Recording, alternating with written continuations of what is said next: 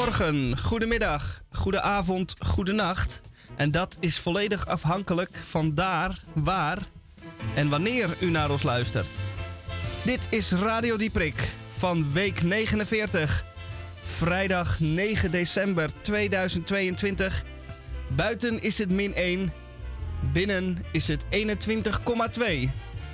En wat hebben wij allemaal voor u in deze uitzending?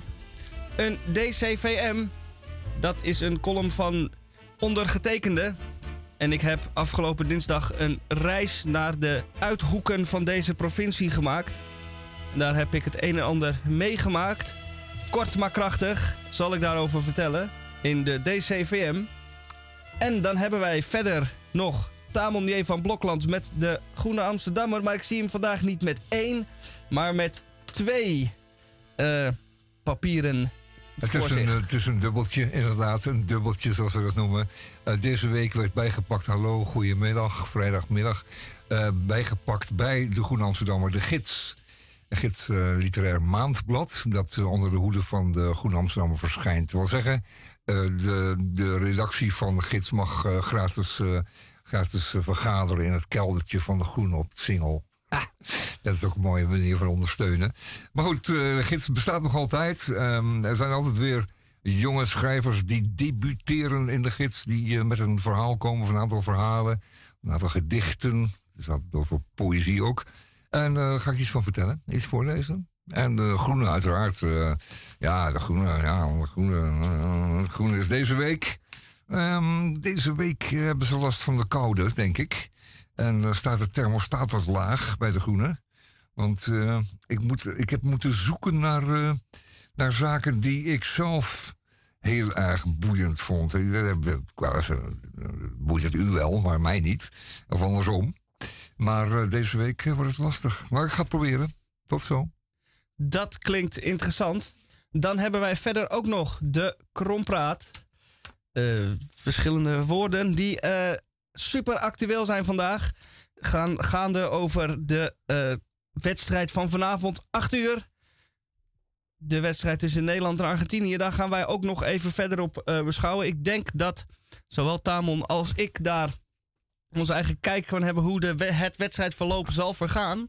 Maar daar uh, hoort u later meer over. We hebben daar een speciaal itempje voor. Ja. We hebben daar een zeer speciaal itempje voor. Een soort uh, itempje wat je tussen haakjes zet en tussen aanhalingstekens en uh, niet langer mag duren dan een minuutje of twee. Zoiets dacht Laten we ons daaraan proberen te houden. ja, en dan bij Radio Dieprik. Eerst maar even dit.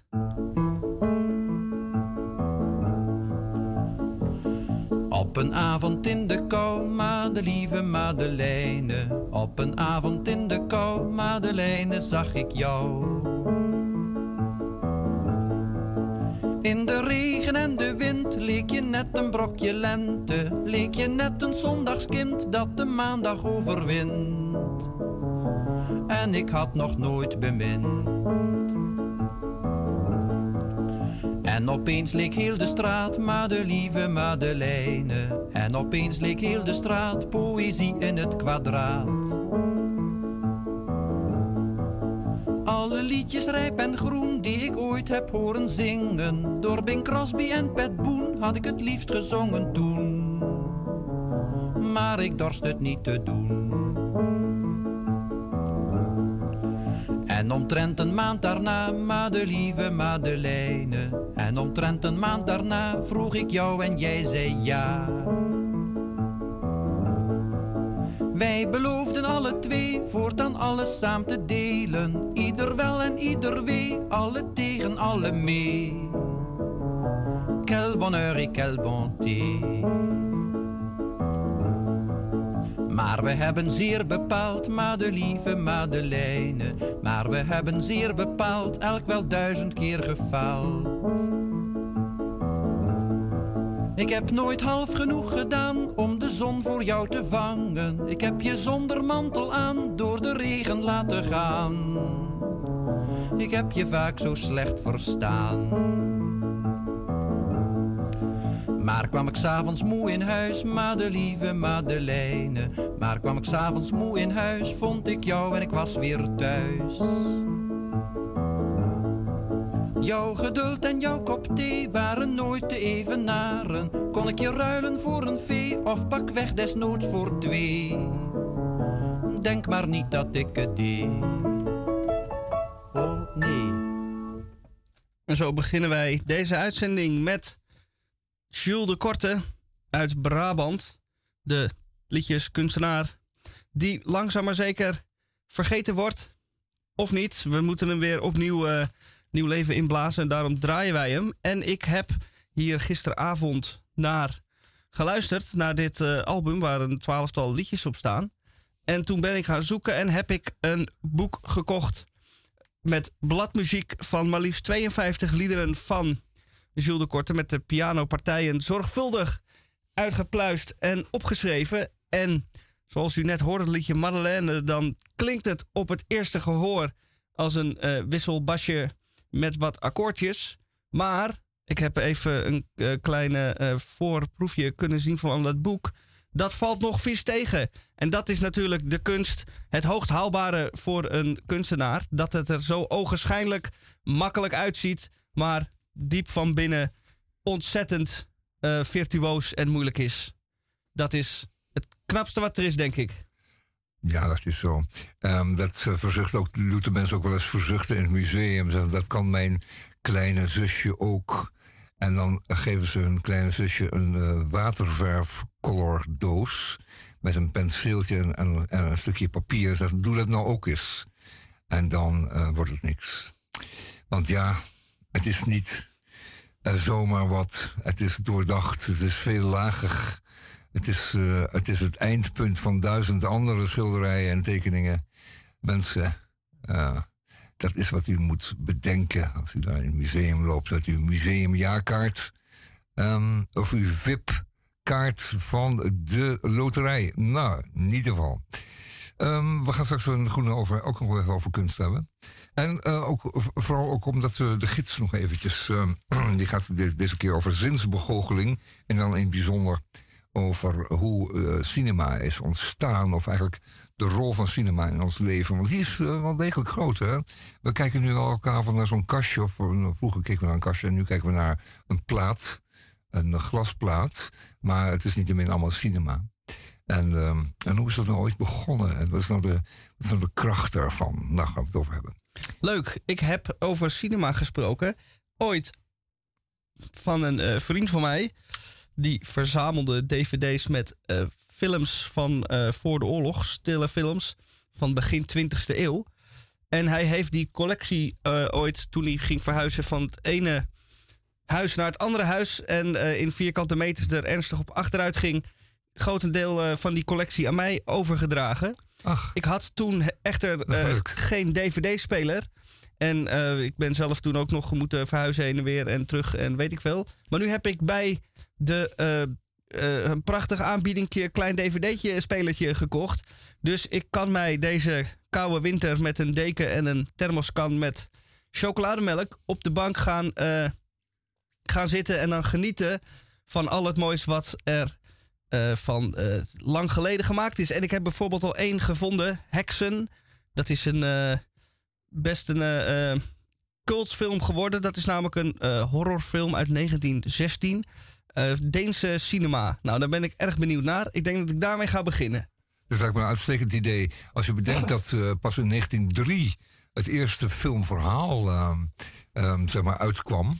Daarvoor werden wel eens wat films vertoond, maar dat waren meestal losse stroken van iets wat gebeurde. En dat dan nog kop nog staart. En dat was geen verhaal in. Maar in 1903 is er een, uh, is er een, uh, een cowboyfilm, een western, gesneden. Uit, uh, uit, en, een, en een verhaal daarvan gemaakt. Dus dat je op een wijze waarop ook hele dagen nog films worden gemaakt. Scenario, plot, montage, het hele verhaal. Enfin, 1916 zeg jij hè? Ja. Dat is mooi. En we hadden het zojuist even over uh, virtuoze muzikanten. Nou was ik afgelopen zondag in de Melkweg om daar de Amerikaanse bluegrass artiest Billy Strings uh, ja, was je, hè? te horen en te zien. Hij wordt ook wel de future of bluegrass genoemd. Mm -hmm. Het is een nog jonge man die een wat traditionele muziek maakt. En het was een buitengewoon eh, interessante en opmerkelijke en leuke eh, eh, vertoning. Ik heb er zeer van genoten, dus zodoende wil ik hier een liedje van Billy Strings laten horen. Ook ehm, virtuoos in alles. Het is een beetje een huistuin- en keukenopname, maar dat geeft niet.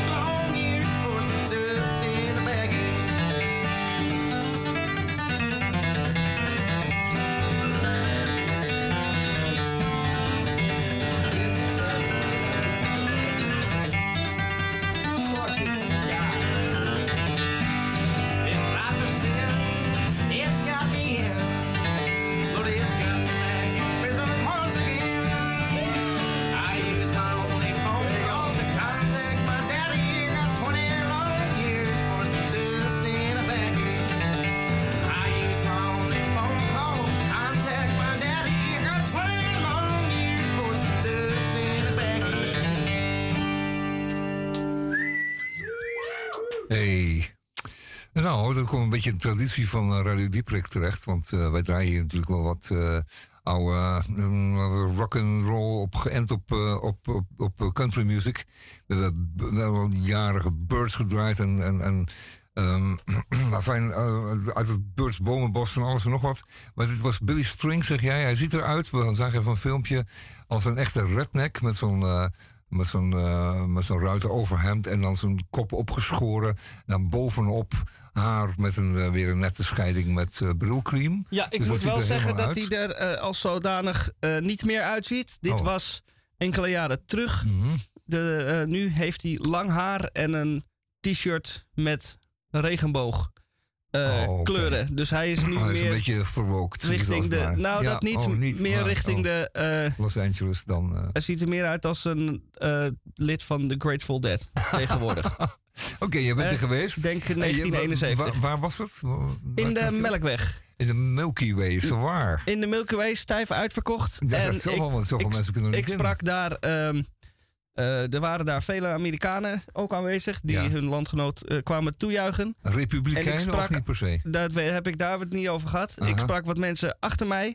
Die eh, kwamen beide uit Colorado. En die reisden hem achterna. Die waren de dag ervoor al geweest in Kopenhagen. En de dag, deze dag dus stonden ze in de rij bij de Melkweg. En de dag daarna gingen zij weer gebroedelijk naar Keulen... om daar het volgende optreden van deze Billy Strings bij te wonen. En zij verzekerden mij dat zij niet de enige twee waren...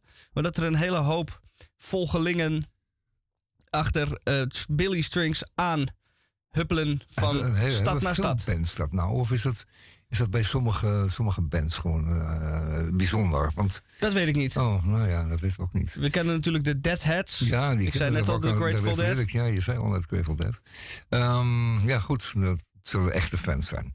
Eh, fijn. Zeker. Eh, het was zo te zien en ik heb er niet heel veel verstand van, maar het leek me een tamelijk virtuoos gitaarspel. Is dat Juist. zijn grote kracht? Juist de gitaar? Ja, hij is gitarist. Ja, en dus zanger. En dat is zijn eh, kracht. Hij stond op het podium met een banjo, een contrabassist een, eh, en een mandolinist eh, en een violist. En geen drummer dus, zo hoort u al. Maar dat is natuurlijk echt bluegrass. En dat is natuurlijk ook het knappe eraan. Vaak, vaak hoor ik muziek en dan denk ik... ja, die drummer is eigenlijk overbodig. U kunt ook ritme en swing uit uw instrument halen.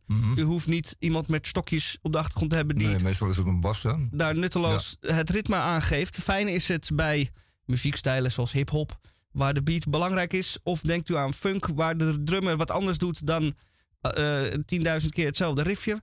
Maar eh, ik wil hier graag een oproep doen voor al die drummers om of wat spannender te drummen of anders gewoon weg te gaan.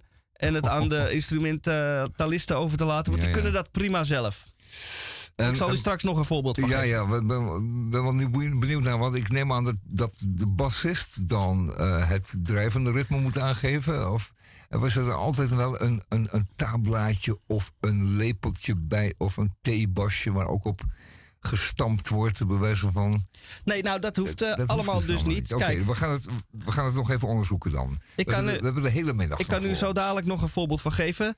Dan uit de, uit de jazzhoek. Oh ja, ja, ja. Goed, ehm, het is intussen alweer, zeggen wij dan al. Het is intussen alweer 20 over tweeën. En dan moet de groene ervoor met de billen bloot. Eh, deze week in de groene. Ehm, een aardig stuk over. ehm, over. wat?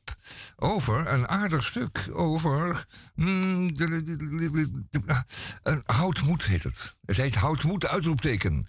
Het is tijd voor een nieuw plan van de arbeid. En eh, rond de oorlogsjaren, begin, nee, voor de oorlogsjaren en, en ook direct da- daarna werd door de toenmalige sociaal-democratische partijen een plan opgesteld. Het plan van de arbeid. En ehm, dat ging natuurlijk over hoe het verder moest in Nederland. Want we hadden in Nederland in de 30 jaren een rottijd. ehm, met heel veel ehm, armoede, economische tegenslag. En dat allemaal eh, doordat er, ehm, laten we zeggen, een paar ellendelingen zoals de heer Colijn aan het roer stonden van het grote wiel. En, ehm, en die dreven eh, Nederland steeds verder afgrond in. Volgens ouderwetse concepten werd daar gekozen voor het kapitaal in plaats van voor den arbeider en ehm, voor de arbeid. Want dat is namelijk het wezenlijke van het plan voor de arbeid. Dat het niet over de arbeider ging, maar het ging over alle mensen die arbeiden. In de hele brede zin van het woord. En hoe het moest met Nederland. Ehm, en dat is een eh, plan geweest. ehm, aanvankelijk uit de SDAP, maar later uit PvdA-koker.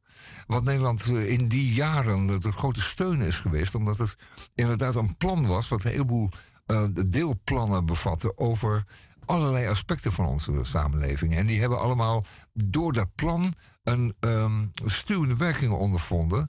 En dat plan heeft eh, eigenlijk goed uitgepakt.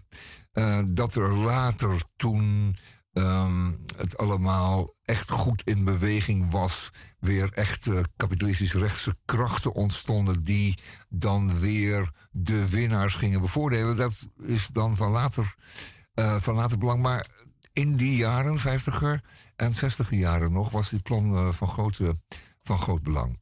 En heeft het Nederland echt geholpen. En dat is een aardig verhaal eh, wat u moet lezen. Ehm, plan van de arbeid. ehm, van de hand van eh, Michiel Zonneveld. En die is daar heel ehm, echt achteraf.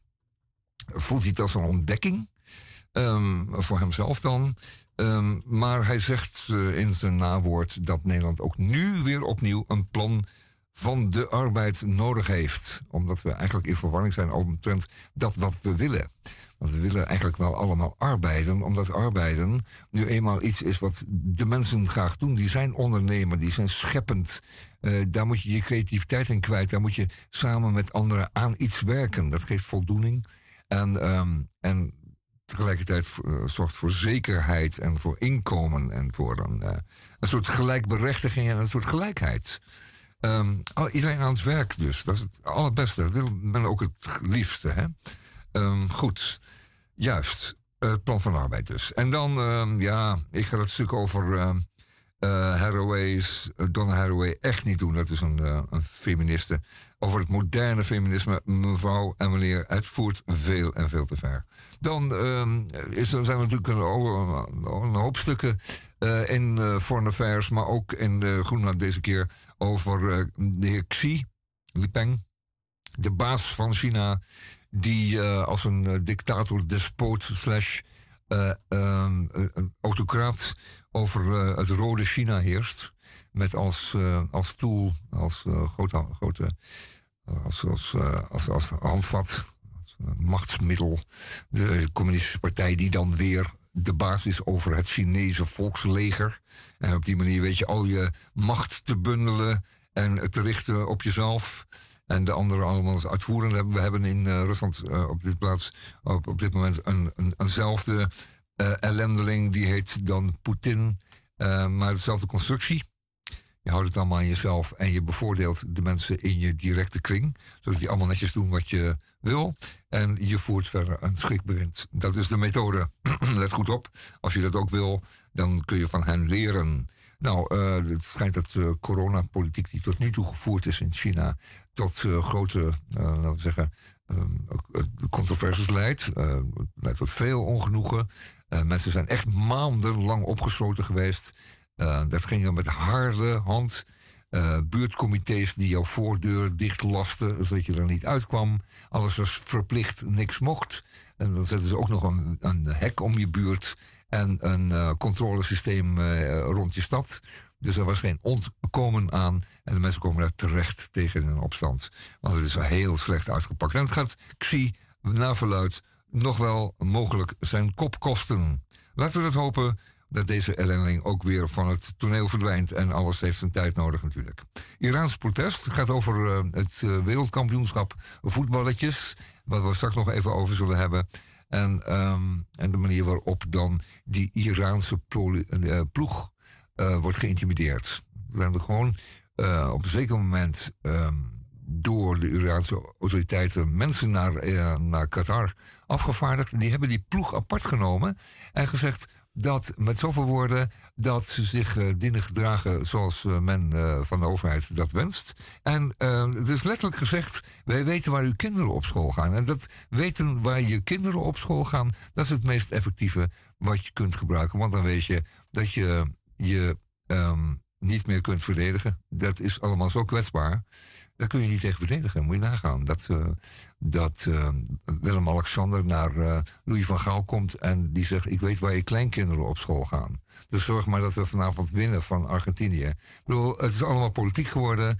En dat heb ik er eigenlijk wel heel erg op tegen. Helaas. Het is allemaal gevoelig en idioot en uit de hand. En oorlog. En, en, en, en nou ja, fijn. Politiek dus. Wel, ehm, ja.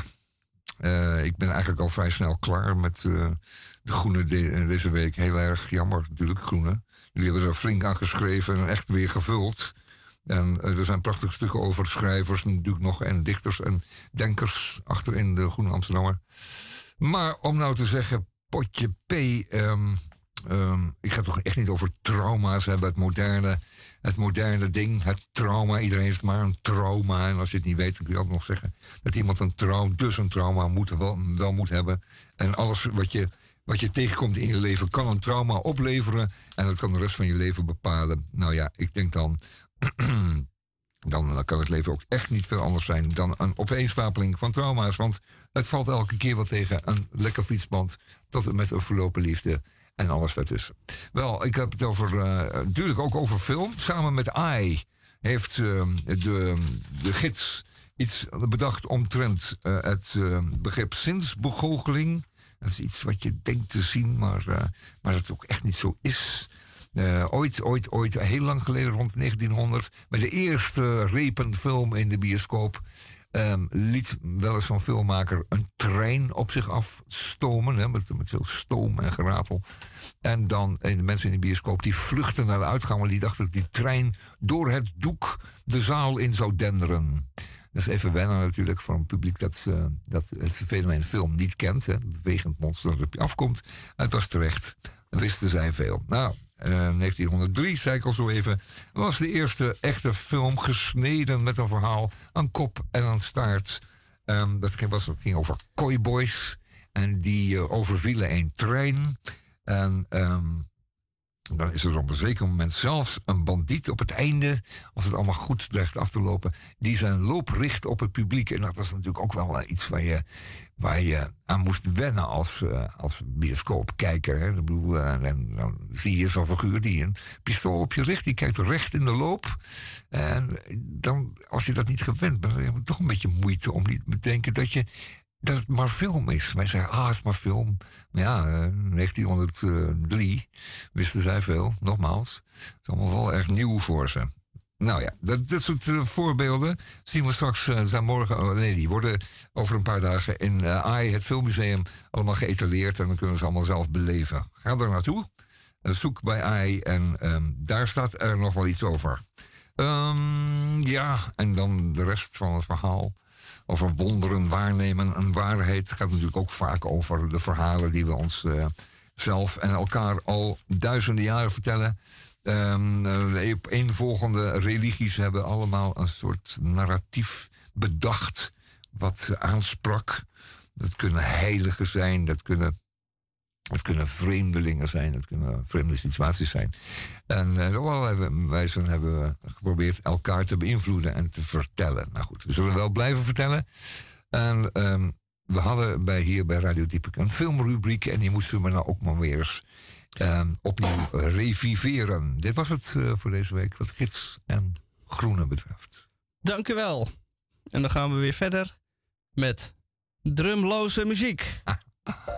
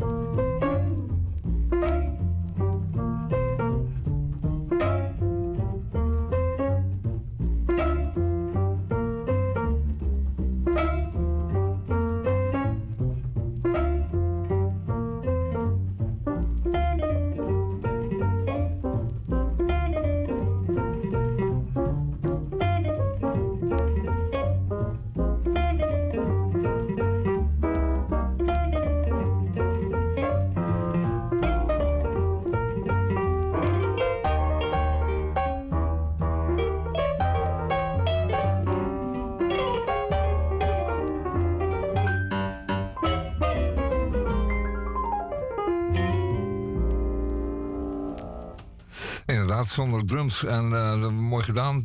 Lekker wel. Uh, als voorbereiding vanavond. U moet de geest dus wel eventjes uh, een beetje verschonen. Hoe u straks naar het geweld kunnen kijken. Nou, fijn. Um, we hebben voor u Misha, Misha Gorky. Dat is niet alleen maar onze technicus. Maar hij is voor ook vooral schrijver. En hij is cabaretier. Want we hebben hem laatst op de open, de open podium gezien. En uh, wat was het ook alweer? En dat was uitstekend. Ik heb nog een uh, videoregistratie ervan gezien. Echt goed. Echt goed, Misha. Wat, dat was echt leuk. En uh, hij heeft nu voor ons een verhaal. Ook weer van zijn eigen hand. hier is voor u Misha Gorky. Na dagen gezwoegd te hebben om het aanmeldingsformulier naar tevredenheid in te vullen, ben ik eindelijk klaar. Het schrijven van dit soort aanmeldingsbrieven draagt niet mijn voorkeur weg. Maar het is zo noodzakelijk kwaad wanneer men hoger op wil. Het theatercafé Muze te Hilversum is op zoek naar programmering voor het komende jaar. En na drie dagen in spanning gezeten te hebben, krijg ik dan het verlossende woord. De aanmeldingsbrief is goed genoeg bevonden en ik mag komen voorspelen. Een pak van mijn hart omdat ik vrijwel altijd in Amsterdam optreed, voelt zo'n uitstapje naar het afgelegen Hilversum voor mij als een wereldtournee. Bepakt, bezakt en voldoende voorbereid begin ik aan de verre tocht naar de uithoek van Noord-Holland. De trein is op tijd en kabbelt gemoedelijk door de koude Hollandse avond heen. Omdat alles volgens plan verloopt, ben ik veel te vroeg op het station Hilversum. Leuk al die voorzorgsmaatregelen en het incalculeren van eventuele vertraging. Maar als die vertraging dan vervolgens uitblijft, zit ik met de gebakken peren. En sta ik op een winterig stationsplein in de motregen. Het theater is tot overmaat van ramp ook nog eens om de hoek. En mij is opgedragen niet te vroeg te arriveren. Maximaal 10 minuten van tevoren. En dat duurt nog even. Ik moet ook nog naar het toilet, bemerk ik stilletjes aan. Zonder achterliggende reden loop ik een overdreven verlicht winkelcentrum in. Alle winkels puilen uit van de kortingen en acties. Maar mijn aandacht gaat vooral uit naar een verlicht bord aan het einde van de gang. Toilet valt erop te lezen. En dat komt zeer gelegen. Over het bezoek aan het toilet zal ik verder niet uitweiden, maar opgelucht en wel sta ik weer buiten. Ik besluit dat het weer tijd is om. dat het nu wel tijd is om naar het theater te gaan. Ook al is het nog iets vroeger dan de aangewezen 10 minuten. Voor de deur staat een bord met de tekst: Welkom bij de voorspeelavond in Theatercafé Muze. Gelieve rustig binnen te komen, omdat er audities in volle gang zijn.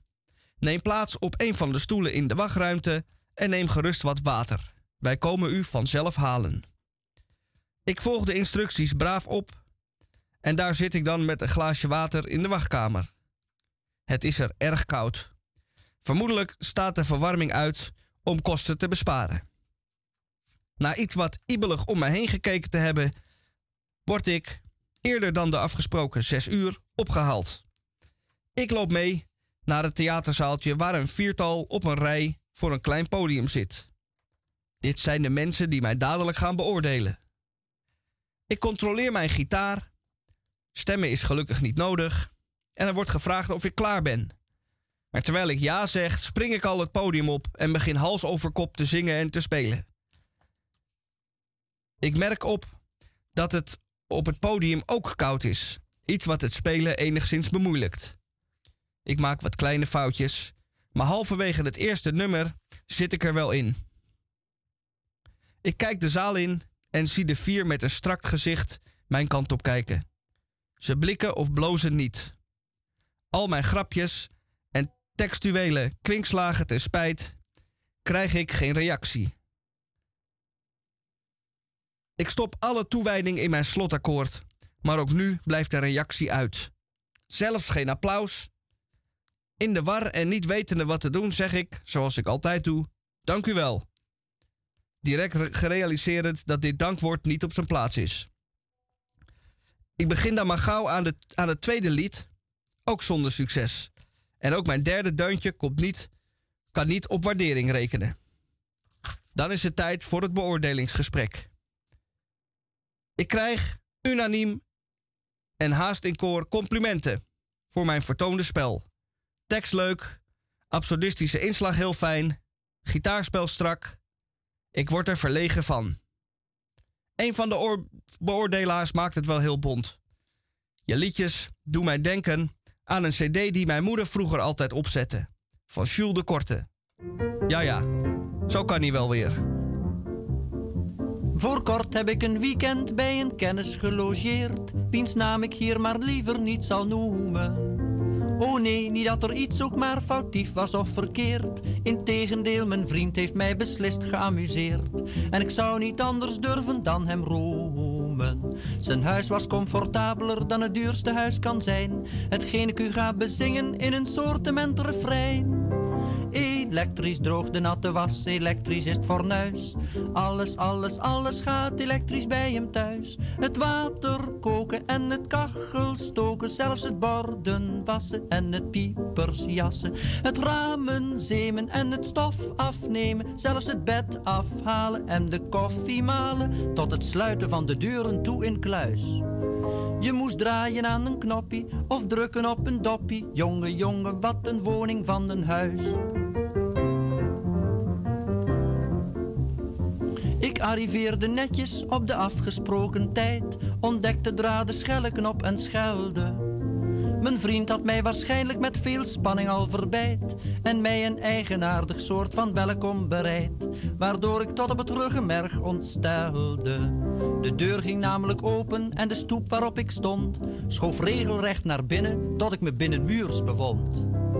Ik stiet me aan een stopcontact en ik dacht is hier niet pluis.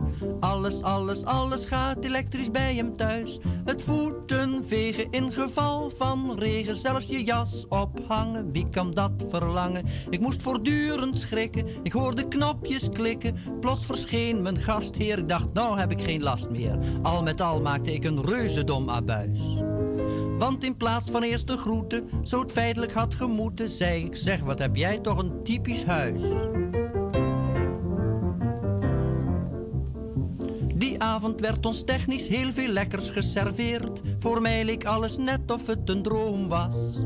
We praten over noppes dat foutief was of verkeerd. Opeens werd door een luide slag ons trommelvlies bezeerd. We dachten dat het de splits van een atoom was. Toen zaten we te kijken in het donker zonder licht. Mijn vriend drukte op de deurknop knop, maar ach, de deur bleef dicht. Kwam ik bij en ik zei verwoed, ik vind het maar een kruis. Alles, alles, alles gaat elektrisch bij je thuis. Het tafeldekken en het gordijn dicht trekken. Zelfs het matten kloppen en het sokken stoppen. Maar kom op, vooruit zeg, toon me gauw een uitweg. Want als ik hier moet blijven, zal ik van kou verstijven. Want wat heb ik aan jouw elektrisch gasfornuis? En trouwens aan al je dure dingen, want nu de stoppen springen, zit ik hopeloos gevangen in je huis. Ja, dat is dan precies het nadeel eh, van een elektrisch huis. Dat, eh, dat als er geen stroom is. Dat zie je dus nu overal in de wereld waar de stroom dan tijdelijk of langer uitvalt. En uw telefoon niet meer opgeladen kan worden. Bent u toch helemaal onthand. En uw elektrische auto kunt u niet opladen. En uw elektrische fiets. Man, dan ben je onthand. Wat heb je eraan? Volledig onthand. Ja, een Tesla van 100.000 euro die Ja. niet lopen wil omdat de batterijtjes zijn. eh, En waar liggen de vaccinelichtjes? Ja, Ja, in ja. de elektrische kluis. Oh, die kunnen we dan ook niet nee, openmaken. Nee, ook nee. niet. Die werkt ook, die werkt ook voor Elektra. Eh, juist. Ehm, de deurknopknop is natuurlijk wel echt een fonds. Toen kom je erop. En dat is dan wel erg Jules de Korte. En wij draaien hem natuurlijk omdat Micha een compliment kreeg van zijn, ehm, van zijn recensent. eh, omtrent het, taalgebruik en zijn teksten. en de ogenschijnlijke, een, eh, eh, eenvoud van zijn muziek. Ogenschijnlijk zeg ik dan per se. Wel, Jules de Korte. En ook zijn dictie, hè? Laten we dat niet vergeten. Man, dat spreekt die man gewoon Nederlands. Goh, dan kunnen we allemaal een puntje aanzagen. Wel, ehm, we hebben luisteraars all over the world. Zelfs zover als eh, Eindhoven, het schijnt. Ehm, nou goed, we gaan, het, eh, we gaan het zien. Ja, we rijken, we rijken heel ver. Tot aan, eh, tot aan Suriname, zeiden wij altijd, hè? Tesla. Voilà. Ehm, wel, Dan, dan? dan is het nu tijd voor het volgende. 222 FIFA World Cup is Qatar. Want vanavond, 8 uur, in Qatar staat op het programma de kwartfinale van het wereldkampioenschap voetbal. Nederland tegen Argentinië. En hier hebben wij lang naar uitgekeken. Want nu gaat het echt beginnen, zoals velen zeggen.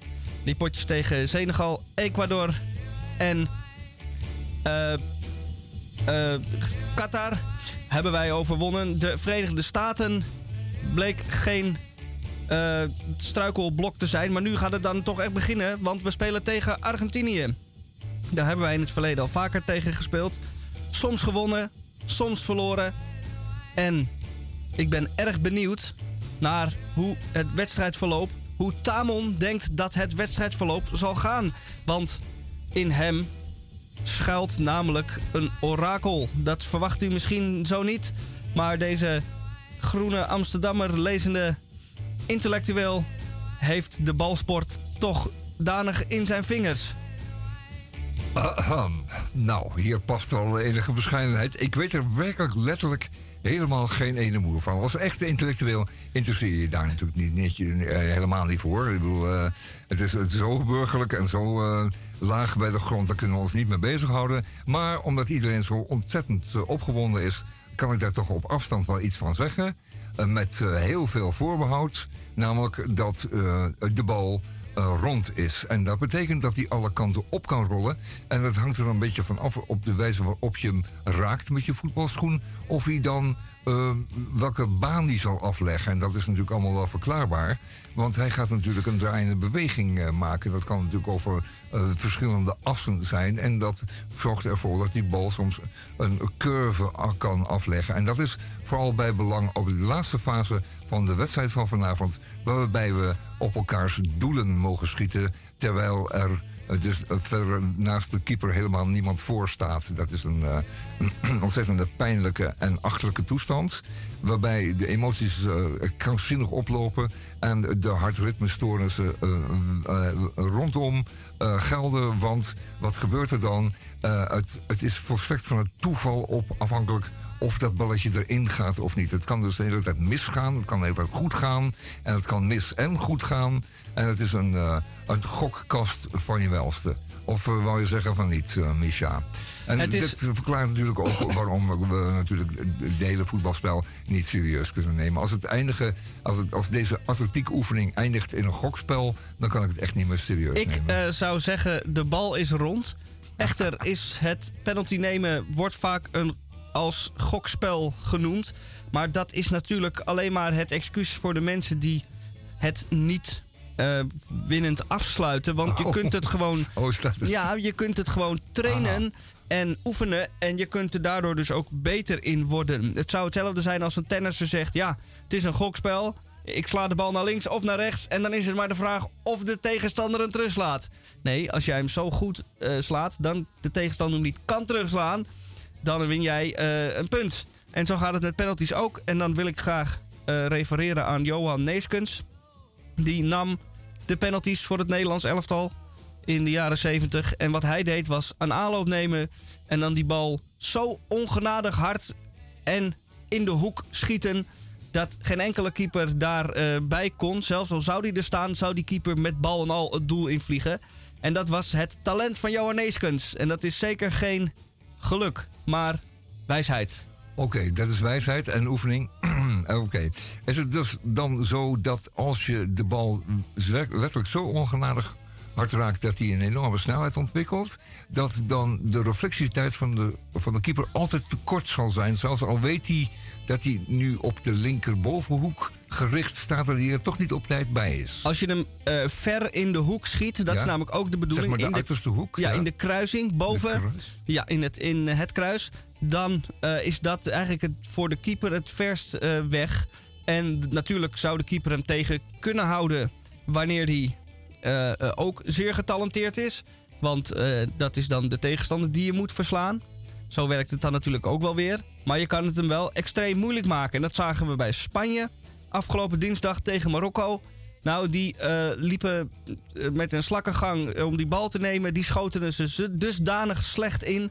Dat ja, daar, eh, had wel, dat had wel wat beter gekund. Dus het kan zeker. Je kunt het nooit eh, perfect doen. Want je hebt altijd met een. Jij kan het op je best doen, maar de tegenstander kan beter zijn, waardoor je het alsnog niet lukt. Maar je moet er wel het maximale proberen uit te halen, in ieder geval. Ja, ja. Dus al, Maar jij gaat dus al uit van penalties. Ja. Het zou ook nog binnen de 90 minuten of zelfs binnen de 120 Ja, minuten nou ja, beslist goed, kunnen dat worden. Toont wel, eh, dat toont wel aan dat ik er werkelijk de ballen verstand van heb. En eh, het allemaal zomaar kan gebeuren. En ik hoop er allemaal het beste van. En eh, verlies of winst, wat schieten we mee op? Maar het zou voor de gemoedstoestand van de Nederlandse burger, geloof ik wel, gezond zijn als, eh, als, er, als het winnend, als, als we gaan winnen. En voor de Argentijnen is het dan weer heel erg naar geluid. En nu wordt al gezegd van, we moeten eh, hen dat gunnen. Want zij hebben dat meer nodig, ze hebben het zwaarder dan wij. Het is net alsof je ontwikkelingshulp doet, weet je wel. Je, je spaart wat uit je eigen portemonnee om elders een, eh, een, een pakje brood te- doen bezorgen. eh, ter verlichting. En dat zouden we dan met die Argentijnen ook moeten doen. Het gaat me allemaal wat ver. Ehm, want ehm, het is natuurlijk wel zo dat er enorm veel Argentijnen op die tribune staan. En een retourtje Argentinië-Qatar, dat zal toch echt wel in de duizenden euro's lopen. En dan denk ik, ja, eh, hoezo wij brood brengen naar Argentinië? Laat ze er maar voor vechten. Niet waar? Als het gaat om vechten. Zo is dat. In ieder geval, ik wens toch alle liefhebbers, eh, ik wil niet zeker doen, eh, alle liefhebbers heel veel plezier vanavond. Nou, niet Juist. Ook, in, eh, de- ook niet weer. eh,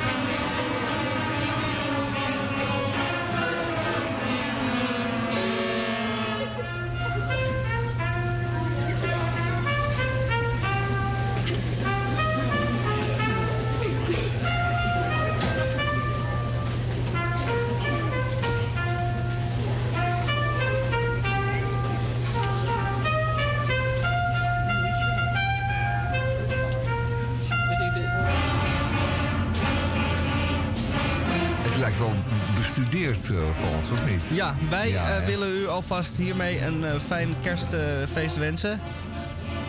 Ja, het viel me op dat eh, op, op eh, Sint-Nicolaasavond de klok heette nog niet geslagen om 12 uur. En toen, toen klonk al de eerste, de, de eerste sneeuwkerstballenmuziek. Het is wel heel snel deze keer. Ja, ik heb hier voor mij de eh, artikel van de Rolling Stone eh, Music Magazine. De 20 slechtste kerstnummers die er ooit gemaakt zijn. Wellicht dat wij in het tweede uur daar ook een eentje uit kiezen. Ja, Of zeg jij... dit was er één, bedoel je? Nou, deze eh, had er zomaar op kunnen staan. Deze is er net doorheen geglipt. Maar ik denk dat deze band iets te obscuur is om eh, bij de Rolling Stone op het bureau We te zijn, we, we zijn eh, samen naar eh, de film over, over en met Elvis geweest. En eh, daarbij werd verteld, in de film werd verteld dat men Elvis heel lang heeft geprest om een kerstshow te maken voor de, de toen nog jonge televisie. En dat heeft hij jarenlang geweigerd. Hij wilde daar gewoon niet aan meedoen. Dat nam me zo voor hem in dat, dat hij dat niet wilde. En op een gegeven moment zien we hem toch in een entourage met ballen en, en, en mutsen en, en nepsneeuw. het is toch blijkbaar toch een keertje voor de bijl gegaan, hè? En heeft hij ook, eh, ook echt een kerstnummertje gemaakt? Ja, ik vrees van wel. Meerdere. Hij heeft in de jaren Ja. 50 al een aantal kerstalbums gemaakt. En Albums maar liefst, ja. albums, ja, of eh, jongen, ja, mini-albums. Eh, extended play dingen met vier liedjes erop. Maar de, ehm, die comeback eh, special waar jij aan refereert, daar, dat zou een eh, vooral kersterig eh, karakter moeten krijgen, omdat het ook rond kerst werd uitgezonden. Maar daar kwam niet veel van terecht. Hij heeft uiteindelijk in die special wel één of twee kerstliedjes gezongen. Maar het publiek en wij vandaag de dag herinneren die special om alles behalve die kerstliedjes. Dus Elvis heeft voet bij stuk gehouden en eigenlijk gewonnen Ja, toch? op dus. die manier. Oh, goed. Nou, dat eh, nogmaals dan. Excuses, eh, Elvis. Ehm, je hebt het toch blijkbaar volgehouden. Je weerzin, weerstand. Ehm, wij gaan eh, in het tweede uur nog eventjes op reis, hoop ik. Wie weet. dat doen we vaker. Ja, ik hoop, ik hoop wel weer zo'n een, een leuk stadje ergens in de bush, bush in, in een of ander apenlandje te mogen bezoeken. En daar een lekker hapje te eten. Eh, ik denk aan, eh, nou ja goed, eh, dat, is, eh, aan, dat zien we dan wel. Wat voor gehakt het vermag. Slang of krokodil, dan wel aapje. Of iets anders, eetbaars. Ehm, dat doen we in het tweede uur. We hebben nog, ehm, we hebben nog wat muziek. Laat maar eens wat horen. Drumloos? Nee, vandaag? in deze keer Oh, nou, niet los dan maar. drumloos. Ik heb straks nog een, een mooi gedicht van Anne Vechter. Oh, doe die anders eh, nu. Oh, En dan sluiten we daarna meteen het uur af met nou, slokje de water. King. Ja, natuurlijk. Rustig aan. Hmm. De gids is eh, bijgevoegd. Close reading heet het, eh, heet het onderdeel van de gids altijd. Een close reading. Het is heel precies lezen. Ik zal het voorlezen, zodat u kunt meelezen als het ware. Tussen baby's en leugens. Inmiddels goed op gang met mijn onderzoek naar de oorsprong van de leugen. Ik raapte een babylichaam op dat ademde zonder kern.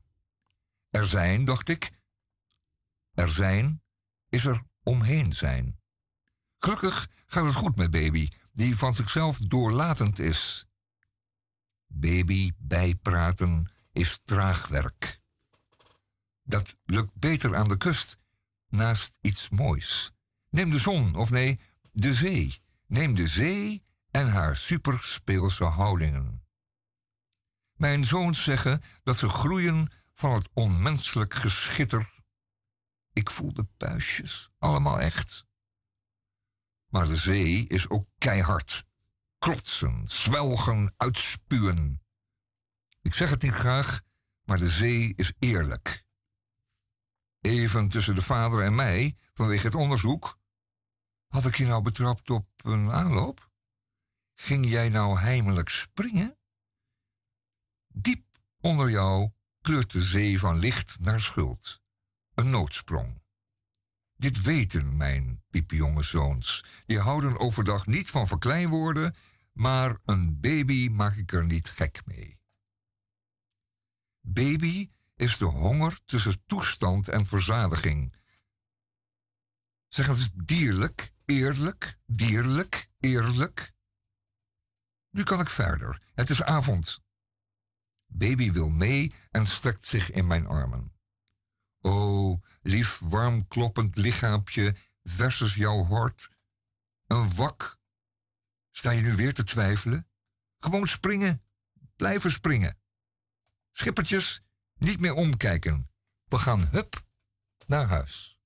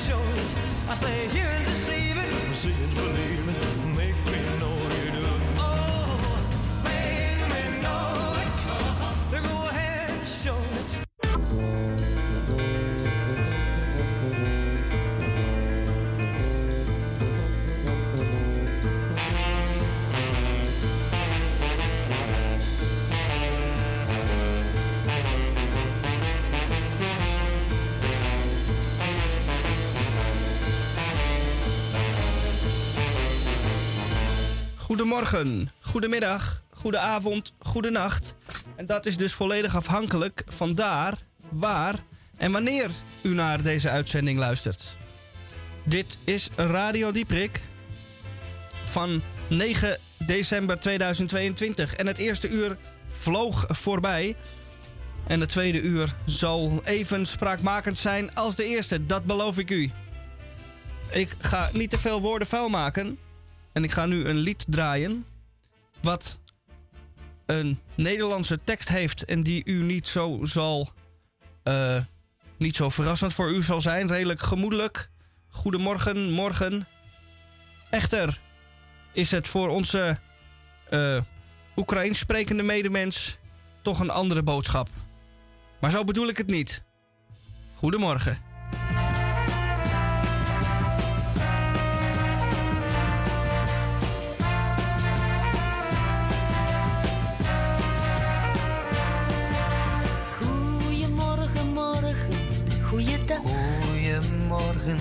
goedemorgen. Blij dat ik je weer vanmorgen zag. Goedemorgen, goedemorgen, Goeiedag, iedereen.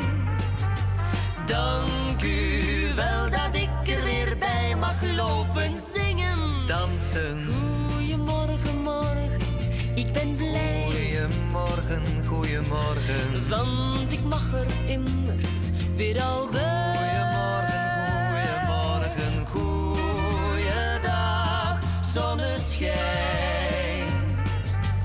Dank u morgen dat ik mag zijn. De wereld is een schouwtoneel dat wij bespelen. Voor iedereen zijn luchtkasteel om van te delen. En krijgen we niet al te veel, kan ons niet schelen. We vinden ook het minste deel sensationeel.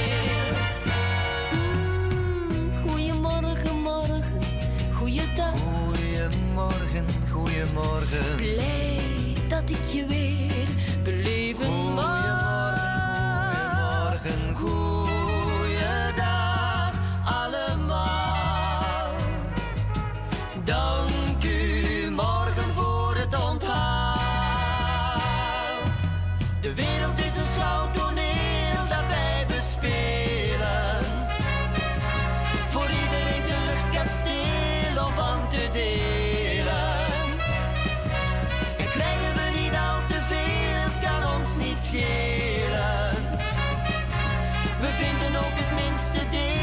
Deel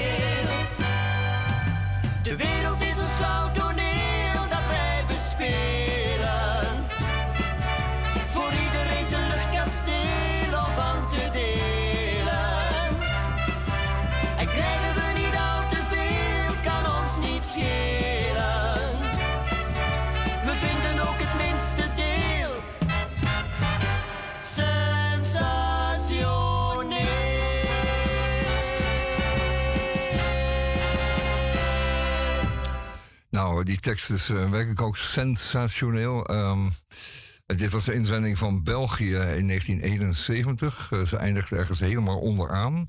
Maar dit, eh, dit liedje heeft een, heeft een betekenis gekregen. En wel voor de eh, bevolking van de Oekraïne. Want het woord goeie in Goeiemorgen betekent daar echter iets heel anders. Ehm, het betekent daar iets van rotzooi, teringzooi, eh, rommel.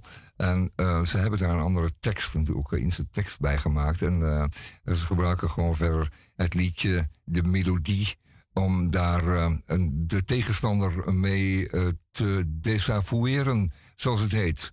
Ehm, ik wens ehm, alle mensen in Eindhoven, en heel in het bijzonder, Suze, welkom. Leuk dat je luistert, Suze. Ik draai voor jou deze speciaal. En ehm, ehm, ik hoop dat je het aardig vindt. Ik heb natuurlijk helemaal geen idee van je muziekvoorkeuren, maar... eh, what about this one? Hm? Yes.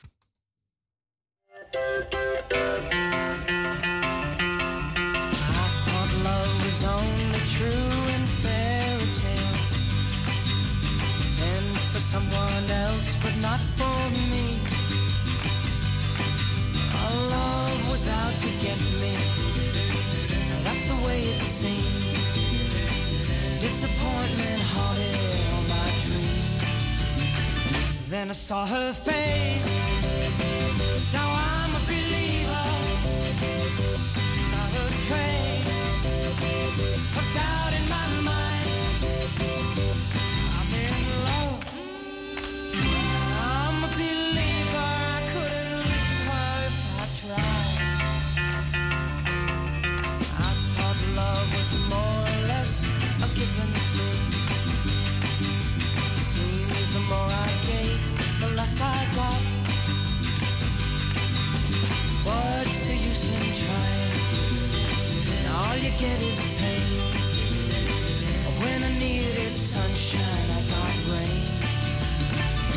I saw her face. Now I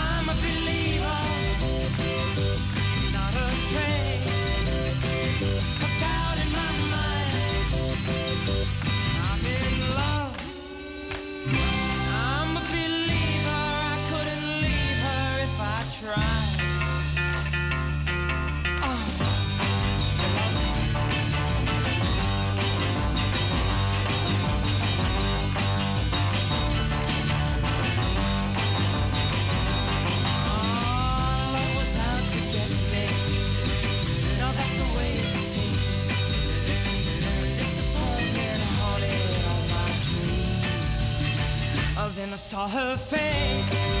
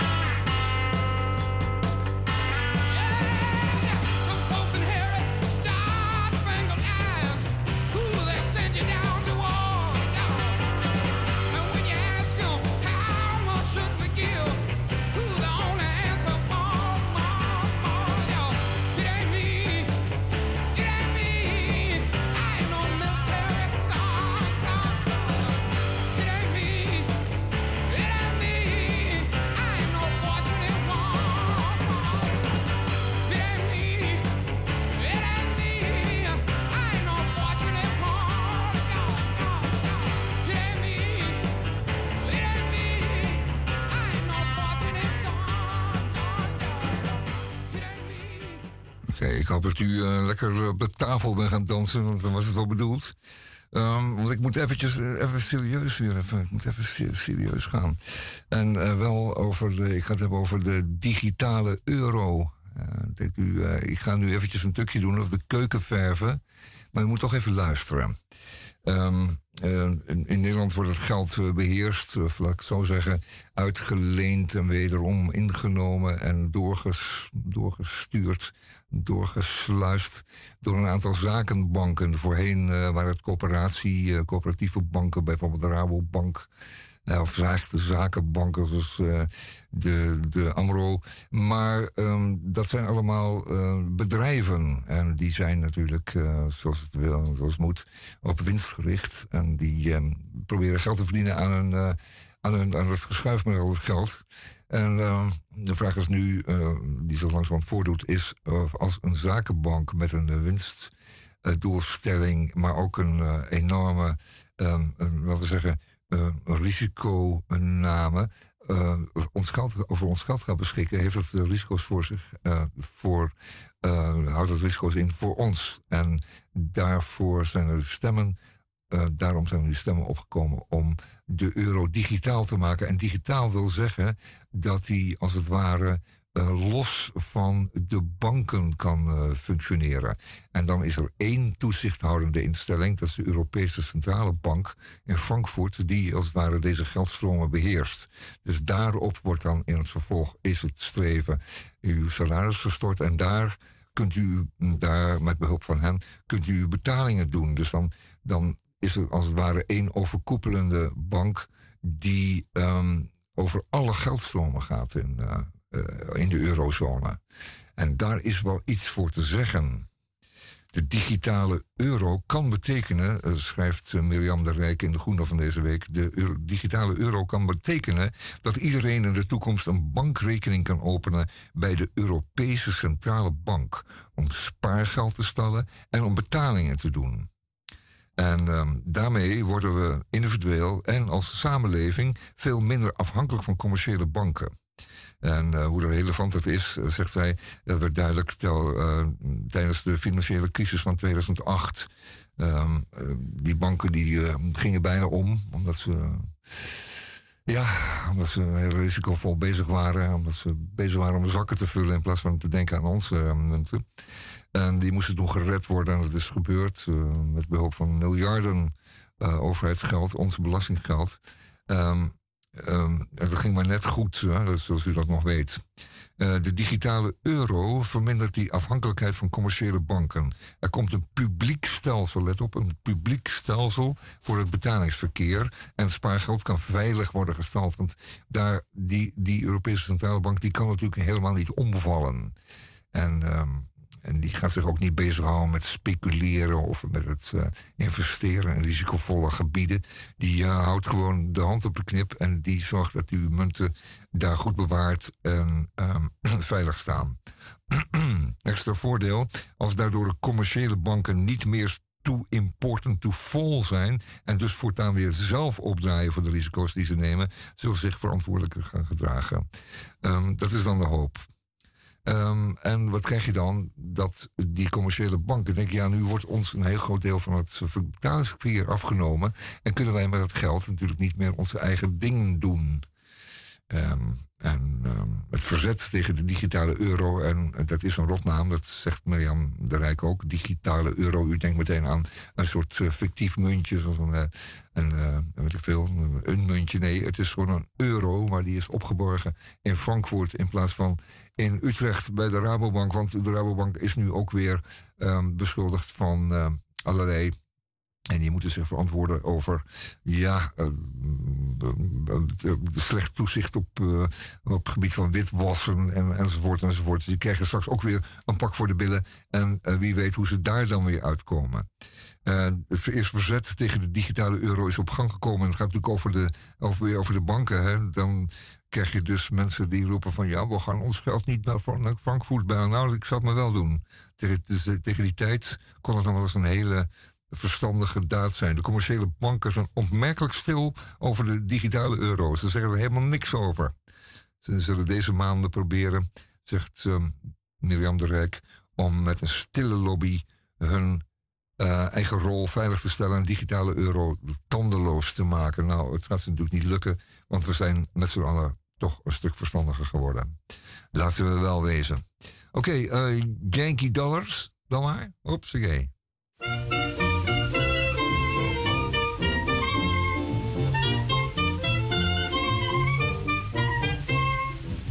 the pretty baby who confess she loved me and she's from respectable family. And she said that she had a soldier who is treating her much better. Uh-huh. She don't want no native fella. So she told me plainly she love Yankee money. And she said, Lord invader, uh, not because you sang rum and Coca-Cola. Don't bother if you know you ain't got a Yankee dollar. I started to chat the lady, I pleaded so impressively. I showed her a lot of English money. But this is what she made me to understand. She said she don't want no Trinidadian. You must be an American or either a Puerto Rican. So she told me plainly uh, she love Yankee money. And she said, Lord Invader, not because you sang rum and Coca-Cola. Don't bother if you know you ain't got a Yankee dollar.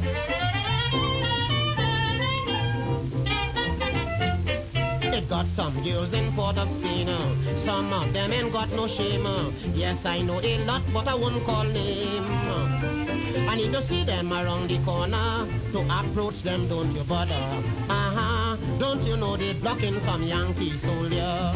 They will tell you plainly, they love Yankee money. And she said, Lord Invader, not because you sang rum and Coca-Cola. Don't bother if you know you ain't got the Yankee dollar. But now the war is over, Trinidad is getting harder. Some of the young girls bawling for murder.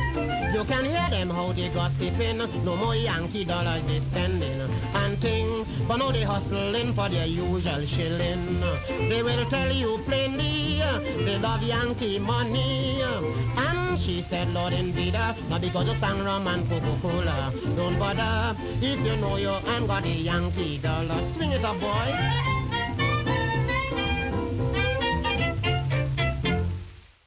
En hier zitten wij in de studio. En voor mij heb ik hier een lijst van de top 10 slechtste slogans van 2022. Die kun je vinden op sloganverkiezing.nl. En daar is de afgelopen weken een verkiezing geweest van de minst eh, doeltreffende en eh, slechtst bedachte slogan van dit jaar. Woordspelingen en andere k- kneuterigheden die niet goed werken. Ik zal even een aantal eh, opnoemen uit de top 10. Wie te pas kent, zoekt niet. Wie zoekt, kent te pas niet. Van Café te pas. Dan hebben we verder nog Er vis er eenjarig. Hoera, hoera. Van Vis Speciaalzaak van Vis. En dan noem ik er nog een. Ziet er fraai uit, hè? En dan schrijf je airfry als airfry. Airfryer ziet airfry uit. Met hakken op de steen gaan de dagen vrolijk heen. Bruinstroop natuursteen. En dan de winnaar, of verliezer, het is maar net hoe het bekijkt. Het kruispunt van eh, Zorgcentrum Het Kruispunt. Maak van uw kruis geen punt. Kom naar het kruispunt. Zorgcentrum? Zorgcentrum Het Kruispunt. Maakt van uw kruis geen punt. Ja. Oké, dat is dan, dat refereert een beetje aan elk huisje heeft een kruisje, zoiets dergelijks. Eh, Maak van uw kruis geen punt. Of is het iets genitaals? Ehm, Dat, kan eh, meer die- zorgcentrum? meer die het richting, eh, verklaart uit- zich ook niet. Meer die richting uitdenken, Het is ja. inderdaad een eh, volkomen mislukte slogan. Mooi, toch, in zo'n taal. Dat het, wat, je eh, al- wat je allemaal met taal niet kunt doen. Ik bedoel, eh, hoe, hoe, ver, eh, hoe, hoe kun je het verprutsen? Hoe Mooi. kun je het, ver- hoe kun je het verprutsen? De, de mooiste die ik nog. Mooi hoor. ik weet Nou, is een van een, maken. van ehm, een loodgietersbedrijf. Die had op zijn busje staan. uw probleem, onze zorg. Die had waarschijnlijk niet helemaal door wat de betekenis van die woorden was. Uw probleem, ons een zorg. Nou, die zou, woorden, u kunt in de lucht vliegen. U kunt de pot op, of dus eigenlijk niet, want die is nou juist defect. Maar gaat u maar bij de buren de pot op? Of leuk vandaag. Eh, ja, ja, ja, ja, ja, ja, ja, De terugkeer van het emmertje, zou ik zo zeggen. Wat zei iemand gisteren ook, ja.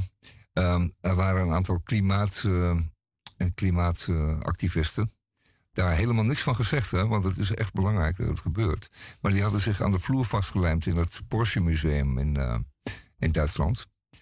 En ehm, bij die eh, peperdure Porsches die daar staan. En ik ben daar een keer geweest. Het is werkelijk een schitterend museum voor de liefhebber van Porsches. En er staan waanzinnig mooie raceauto's. En het is heerlijk verrukkelijk om daar te zijn. En ehm, je, je krijgt, er wordt helemaal, eh, helemaal overvoerd met die dingen. Maar eh, die hadden zich dus vastgelijmd. om natuurlijk ehm, veel aandacht te krijgen. Maar wat was het nou? Ehm, de directie en de werknemer, of tenminste de, de, de museummensen, die eh, hadden het een beetje aangezien. En die dachten, als we nu een kloppartij en een, en een vechtpartij gaan organiseren, gaan die auto's misschien stuk. Of komen er krassen op of deuken, weet je wat. Eh, we zetten de verwarming uit en we doen het licht uit. En dan eh, gaan we naar huis. En doen we de deur dicht. Want ja, eh, we gaan niet keer knokken hier binnen met al die mooie auto's. En die jongens zitten toch vastgelijmd. Die gaan geen eh, zeven sloten lopen. en dan eh, zien we morgen wel weer. Nou, eh, naar het schijnt, eh, ik weet het niet zeker hoor, maar dat, naar het schijnt is het zo dat, eh, dat de actievoerders na een uurtje of wat, toen ze het koud kregen en naar de wc moesten, eh, dus gingen bellen met, eh, met de directie van het museum of ze alsjeblieft een, eh, een blikje of een potje wilden brengen, want ze moesten naar de wc en ze zaten vast en ze hadden honger en ze hadden het erg koud en ze wilden echt wel weg. De actie was klaar, het was voorbij, maar die hebben ze gewoon de hele nacht laten zitten. Dat is ook wat, hè? Je moet natuurlijk wel goed kiezen, je actie. Nou, dan heb je wel hard voor de zaak, zou ik maar zeggen. Ja, de enigszins en anderzijds ook wel weer naïef van deze actievoerders. En, maar niet ten nadele van deze actievoerders, nogmaals. Maar ja, je moet je doelen wel goed kiezen. Eh, primetime in het Van Gogh is natuurlijk wat anders dan op het eind van de dag in het Porsche Museum. Waar iedereen zijn schouders over ophaalt. Oh, nou ja, we zien morgen wel weer. Hmm, het is lastig soms, actie voeren. Maar ja, vanaf, van afstand, nogmaals, niets te nadelen van deze boys en girls.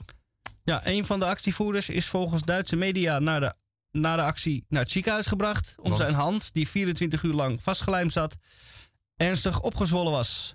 Bij dit soort acties is het de bedoeling om zoveel mogelijk ophef te veroorzaken.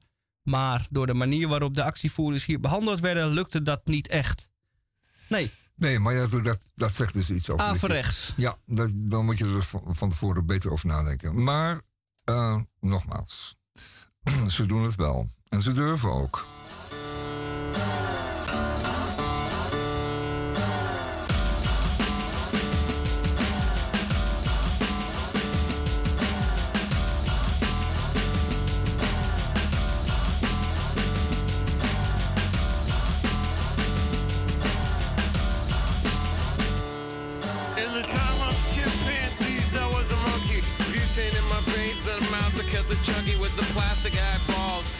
Paint the vegetables, dog food stalls with the beefcake pantyhose.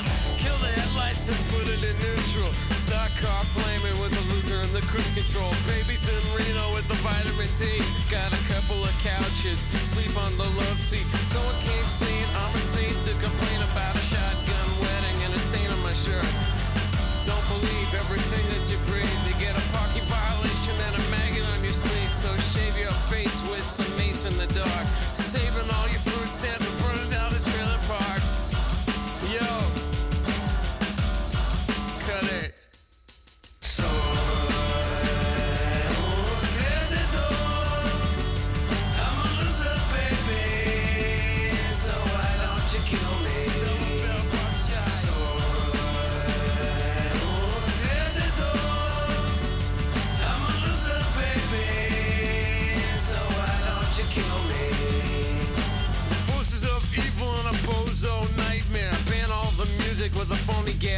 Cause one's got a weasel and other's got a flag.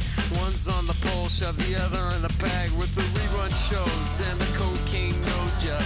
The daytime crap of the folk singer slub. He hung himself with a guitar string. A slab of turkey neck and it's hanging from a pigeon wing. To get right if you can't relate. Trade the cash for the beat, for the body, for the hate. And my time is a piece of wax falling on a termite. Who's choking on the splinters.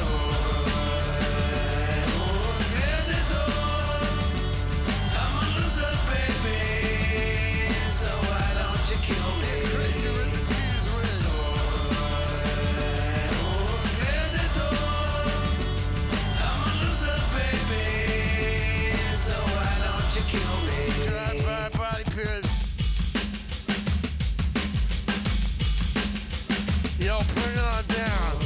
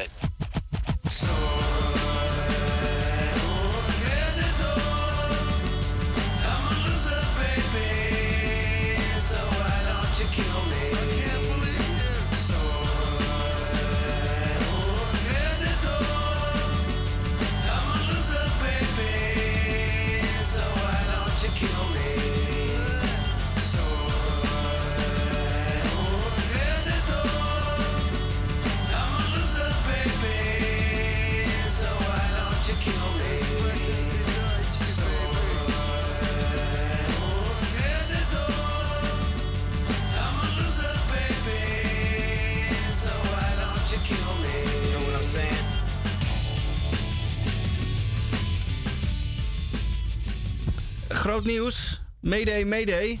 Alle beeldende kunstenaars kunnen een andere baan gaan zoeken. Want de computer heeft hun werk volledig overgenomen. Wat hebben wij hier voor ons? Een algoritmisch eh, computer ge- software genaamd DALL-E. Waar je in het Engels een beschrijving geeft over wat voor afbeelding jij graag wilt zien. En als je dat maar luid en duidelijk genoeg doet, dan genereert die computer ter plekke unieke beelden op basis van de door jou ingevoerde termen. Ja, en, dat hebben wij is, juist eh, gedaan. Het is werkelijk, eh, het is werkelijk verbijsterend. Want eh, zelfs als je een, eh, de meest uiteenlopende termen gebruikt, dan weet die computer toch het zo te combineren. En dat geheel dan in een stijl te gieten die eh, gewoon echt uniek is. Ik bedoel, eh, wat levert dat voor ons bijvoorbeeld op? Een, een, een, een, paar platen die werkelijk impressionistisch zijn door hun eh, stijl en aard en kleurgebruik. En ook, ook perspectief. Ik bedoel, het is werkelijk verbijsterend. Het zijn gekke dingen die je bij wijze van spreken gewoon zou kunnen publiceren. Ehm, ja. Wie zal er nou ooit nog een illustrator in dienst nemen als je werkelijk gewoon eh, kunt zeggen van tevoren van ik wil twee koeien in de wei die, eh, ik, ik noem maar wat, op impressionistische wijze elkaar een eh, bosje gras voeren. Ik bedoel, moet je je voorstellen. Maar daar maakt hij dan ook echt wat van. Nou, we gaan het direct doen. U vragen wij draaien. Twee koeien in de wei. Ja? Wij, ik heb hier garden, maar dat is niet wei. Wat is wei ook alweer in het Engels? Field. Nee, niet field. Oh, nou, daar komen we zo op. Ja. Eh, eh, die elkaar gras voeden. In, eh, we kunnen ook de Picasso. Ja hoor. Of eh, Van Gogh. Picasso. Picasso maar. Dat de, de mans erfen, eh, ze mans erfenis ook nog eventjes door het slijk Ja. halen. Painted by Picasso is dan het leuke wat je erachteraan eh voert. U, u denkt dat hij overleden is, maar dat is hij natuurlijk niet. Nee. Want Hij is deze een computer heeft hem weer tot Hij leven. is nu een beeldprocessor geworden. Met de AI-software. Nou, twee koeien in de wei die elkaar gras Ja, voeren. verdomd. en hier, eh, hier heb je het dan. Ja, maar ze voeren elkaar ook echt gras. Ja. Dat is toch verbijsterend. En dat in geheel in eh, Picasso-stijl. Nou ja, en dat in minder dan 10 seconden. en minder dan 10 seconden. En dat betekent dat je voorheen voor dit soort dingen een illustrator inhuurde. Zo ja, het moet er zo en zo uitzien, want het is een artikel, gaat daar en daar over. En ik wil daar illustratie bij. En het valt geen sterveling meer op. Want ja, de illustrator was altijd vrij om te, om te tekenen. En eh, bijvoorbeeld bij de Groene Amsterdam hebben ze er een gewoonte van om een heleboel artikelen altijd eh, te laten illustreren. Maar ik denk dan, eh, dat gaat binnenkort niet meer gebeuren. Daar gaat je goede, eh, goede vak. Mijn hemel. Ja. Ja, het is wel eh, impressive. Ik heb hier nog eentje. Ik denk niet dat het echt Picasso is, maar het levert wel unieke, echt originele beelden op. Ja. Waar haalt hij ze vandaan? Man in trenchcoat walking through rainy Amsterdam by night. Dat is lekker, Mhm. eh, ja. Algemeen. En dan wachten we even. En daar is hij. Ja. En heeft de kop van. Ja, dat, de, de gezichten genereren dat in die, die snelheid, dat krijg je nog niet hele eh, waarheidsgetrouwe hoofden. En als je goed kijkt, zie je ook dat er dingen niet helemaal kloppen. Maar over het algemeen zien wij hier inderdaad een man in een regenjas die in het donker ergens op de gracht in Amsterdam loopt. Daadwerkelijk. Ja. En omdat het een, eh, een uniek beeld is, dat nu voor ons gegenereerd wordt. Hoe staat het met de rechten? Die moet je, je hoeft er nooit meer een, fotograaf of, of een stylist in te huren. Je kunt het gewoon zeg maar, steeds verder verfijnen en dan steeds meer naar je zin maken. Zodat je iets hebt wat je, wat je achter de computer binnen een half uurtje voor elkaar hebt. Juist, ik zal het even Dat is net zo voorlezen. lang als die fotograaf bellen. Man. Ja, ik heb er ergens gelezen over deze website. Daar kunt u trouwens nu ook gewoon naartoe. OpenAI.com. Ze hebben verschillende eh, ehm, eh, engines die verschillende dingen kunnen doen. Ze kunnen ook, eh, je hebt er ook een die artikelen voor u schrijft. Daar Ja, hebben we ja, vorige week even over gehad. ja. En dit hebben we dus plaatjes over gehouden. Hier, content policy.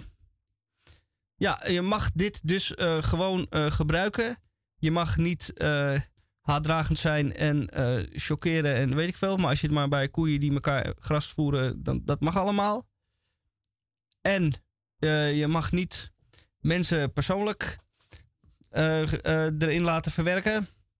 Zonder diegene. Maar voor de rest mag je het zelfs commercieel gebruiken. Dus eh, kruispunt.nl moet nog op zoek naar iemand die slogans kan bedenken. Maar als ze een logo willen nieuw, dan kan dat gratis en voor niets. Tja.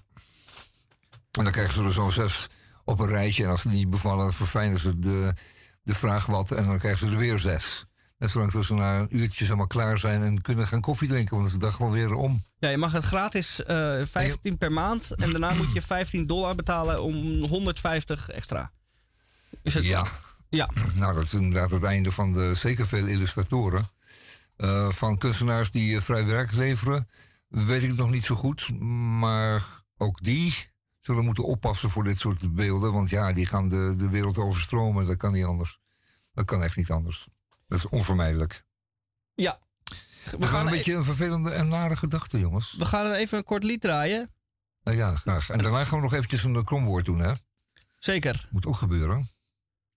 Eh, misschien kunnen we daarna nog iets leuks proberen. Maar daar hebben we het eh, straks nog wel over. Dan moet ik eerst een kort lied vinden. Zoek even een kort lied. Waarom moet het een kort lied zijn? Omdat wij vol met ideeën zitten.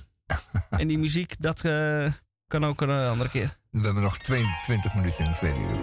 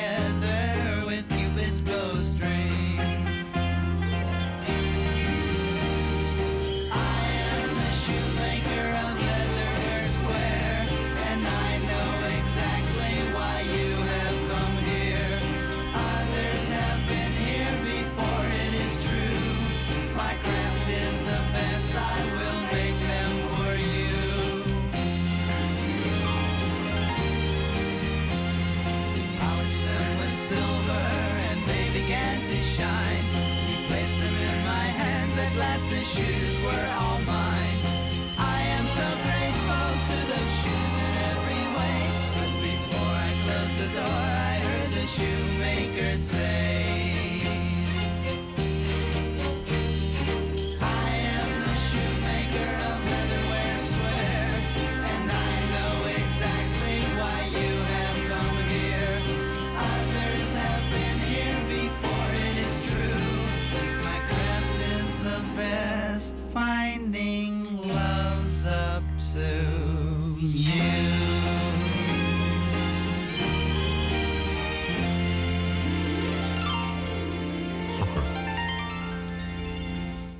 En daar zijn we weer. Terug bij de almachtige computer. Die, terwijl wij hier zitten, voor ons een tekst aan het schrijven is. In de stijl van Jules de Korte over koeien die gras eten. Hij heeft al twee eh, coupletten en twee refreinen geschreven. Hij is nu aan de bridge bezig. Ik zal het zo dadelijk even eh, aan u laten horen. De koeien grazen in het weiland. Ze eten het gras dat zo succulent is. Ze lopen langzaam, majestueus en tevreden, terwijl ze genieten van hun repast. Koeien, koeien eten gras. Ze zijn zo blij en tevreden. Koeien, zo imposant en rustig. Ze eten het gras. Het is zo ambrosia. Nou, het is eh, leuk geprobeerd, maar Dat kan hij, godzijdank, nog niet. dat is nog niet helemaal gevervolmaakt. Zal Nee. je, als je dat steeds nauwer omschrijft wat je wil, steeds dichter bij een... eh, Ja, dat ja, is belangrijk bij dit soort eh, eh, zelfdenkende computers. Dat hoe meer aanwijzingen je erin doet, Ja. hoe beter die die opdracht kan uitvoeren eigenlijk. Ja. Dus hier moeten we een avondje over zitten. Ja, ja, het vereist enige oefening. Maar op een gegeven moment krijg je natuurlijk gewoon zowel zover dat hij dat, dat hij als het ware op niveau van de beginnende tekstschrijver gewoon voor jou kan werken. Dan heb je, hem, heb je hem aan het werk zetten. Heb je hem aan het werk gezet. Mijn hemel. Dat is toch wel ehm, iets dat, eh, dat je bezorgd maakt. Dat, is er wel, dat zijn de andere kanten van eh, kunstmatige intelligentie. Zelflerende systemen. Die ons als het ware de pad af zullen snijden. Of, nee, laat ik het zo zeggen. Zodanig aanwezig zullen worden dat we het verschil niet meer gaan zien. Ik denk dat dat heel lastig wordt. Is het nou computer gegenereerd? Of is het nou echt? Of is het nou uit een brein voortgekomen? Of eh, de combinatie daarvan? Hmm. Het wordt nog wat. En met deze wereld. Wel, ehm, dit was dat dan. Is hij nog steeds bezig? Ik heb weer een nieuwe vraag gesteld. Oké, ben benieuwd. Maar anders gaan we hier eh, Een volgende keer wel de weer mee volgende door. keer weer mee verder. Dan is het nu hals over kop. Ga ik een beetje naar beneden kijken. Want Ja, ja, ik herken het muziekje. Ja. wij zijn hier, horen wij, de muziek van de Krompraat. Twee woorden, één in Krompraat. En ik ga maar meteen met de deur in huis vallen. Het eerste woord wat ik ga behandelen is Argus Ogentinië. En dit is een beetje een uh. Misschien niet het beste, maar wel heel actueel. Want, zoals we al eerder al behandeld hebben, speelt Nederland vandaag tegen Argentinië. En dit woord sluit daar enorm op aan. Want hoogmoed komt voor de val. Wij hebben het Nederlands elftal drie wedstrijden in de groepsfase zien spelen. Alle drie matig qua spel. Eh, twee van de drie gewonnen. één zelfs gelijk gespeeld. En in de media en door de fans werd de Nederlandse voetbalploeg afgekraakt en eh, naar beneden gehaald. Het was niet mooi om naar te kijken. Het was niet eh, het voetbal zoals wij dat in Nederland zo graag zien. Wij waren er niet tevreden over. Totdat wij met 3-1 wonnen van de Verenigde Staten. En sindsdien eh, worden wij gegarandeerd wereldkampioen. En is de boot eigenlijk gekapseist. Zou ik haast willen zeggen. Want het is totdat hij helemaal recht overeind staat. Zijn we negatief en dan dondert hij om. En dan is het ook volledig eh, eh, omgedraaid. En dan krijg je het ook nooit meer recht. Maar vergeet niet dat wij vanavond tegen een geduchte tegenstander staan. Argentinië. En ik heb ook nu in de krant gelezen en op de beeldbuis mensen horen voorspellen dat het eh, Argentinië niet zo sterk is als het lijkt. Ze hebben één speler die heel goed is, Lionel Messi, maar die is al op leeftijd. En eh, iemand noemde hem zelfs een opa en tien andere eh, krabbers of zoiets. Zo beschreef hij het Argentijnse elftal. En daar gaat het natuurlijk mis. Want dat heet de hoogmoed die komt voor de val. En ik denk veel beter dat wij gezamenlijk als Nederland met argusogen naar Argentinië kunnen kijken. En denken, ja, ik weet het nog zo net niet hoor. Met die Zuid-Amerikanen. Want zij hebben iets wat wij in Nederland misschien wat minder hebben. Wat zij noemen grinta. Je zou het kunnen vergelijken met een overmelijk mentaliteit. En dan kun je misschien niet voetballen. Wat dus volgens sommigen het geval is. Maar dan kun je toch op je minste wel je uiterste best doen. En er volledig voor gaan. Ja, en eh, eh, ik zie er dan nog maar eens eventjes eh, van te winnen. Ik geloof daar niet zo 1, 2, 3 in. En ik denk dat met Argus ogen naar Argentinië kijken en denken... iets eh, behoudender en bescheidener deze wedstrijd ingaan... een betere opstelling is. Vermoed ik zo. Nou, fijn. Eh, Zoals de balfilosoof. Dankjewel. Ja. ja, ik, ik weet er niks van. Ik weet alleen dat, eh, dat ik het volgende woord voetbaldadig eh, zal behandelen. En dat is een beetje een pijnlijk onderwerp. Want eh, er zijn in de loop der jaren steeds ernstiger eh, conflicten, of nee, eh, incidenten geweest rondom voetbalwedstrijden. Ervoor, daarna, buiten, op de tribunes. Er zijn, er zijn, er zijn incidenten geweest waarbij waarbij er grote ongelukken gebeurden op tribunes, waarbij mensen ehm, in paniek raakten omdat ze werden aangevallen door de tegenpartij of de, de supporters van de, van de tegenspelende ploegen. Er zijn er vreselijke dingen gebeurd. En eh, vooral bij de overheden als politie, die elke keer worden opgetrommeld om de zaak rustig te houden, is er heel veel weerstand langzamerhand gekomen tegen juist eh, groepen eh, supporters. Ehm, niet eens zo vaak zoveel jongeren, maar dan wel gewoon hele gemêleerde groepen supporters. Die er alleen maar komen om er een gigapuinhoop van te maken. En om supporters van de tegenpartij in elkaar te rossen. Dat is dan iets wat eh, jonge mannen of mannen vaak graag doen. En dan is zo'n voetbalwedstrijd een uitgelezen gelegenheid. Want je bent tenslotte allemaal een tikje bezopen. Je bent weg van je ouders of van je vrouw. En eh, je bent een beetje anoniem. Maar ik geloof dat dat zo langzamerhand wel ehm, ehm, ten einde gaat komen. Want dat is werkelijk eh, heel onaangenaam voor ehm, alle mensen die, die, die voor het spelletje komen. Wel, voetbalwaardig dus. Eh, We hebben het in de afgelopen weken gezien. Op het, eh, hier in Amsterdam. Op het uh, Mercatorplein. Ehm, waarom nou daar, zult u zich afvragen. Nou, dat is Bos Lommer. En in Bos Lommer is het altijd een beetje kommer en kwel. Dus eh, ehm, dat is nu eenmaal het stadsdeel in Amsterdam... waar ehm, de regels eh, minder strikt worden nagevolgd... en waar, waar bijvoorbeeld verkeersregels al helemaal er niet toe doen. Je kunt eh, van alles verwachten in Bos Lommer. En dat dus ook. En ehm, ik hoop niet dat er weer opnieuw een gelegenheid zal zijn... dat er ehm, heel veel puin wordt gedonderstraald. En ehm, voetbaldadig is dan het woord van de dag hier bij Radio Dieperik. Mooi. En daarmee zijn wij voldoende voorbereid voor vanavond. Oh ja. Ja, ja, ja. Ja? Ja, ik weet het niet. Oh. Nee, ik ook in. Nederland is wel helemaal in de ban, hè? Totaal. We zijn compleet. volledig in de ban. Ik denk nog meer misschien dan, dan met een, bij een eventueel eh, finale of zo. Zou het kunnen? Dat- Eh, dat- Dan wordt het alleen dat- maar erger. Nee, dat, geloof ik eigenlijk niet. Ik geloof, Oh. dit, dit, dit, is, dit is wel een beetje de culminatie van alle spanningen. Want het is nu of nooit. Kijk, daarna Ja, maar wordt dan- het dan spannend. Maar, maar het is nu... Het kan nu, het is erop of eindigen in een erover. soort desillusie. Ja, precies. Het is nu... Als dit verloren wordt, dan was het alsnog niks.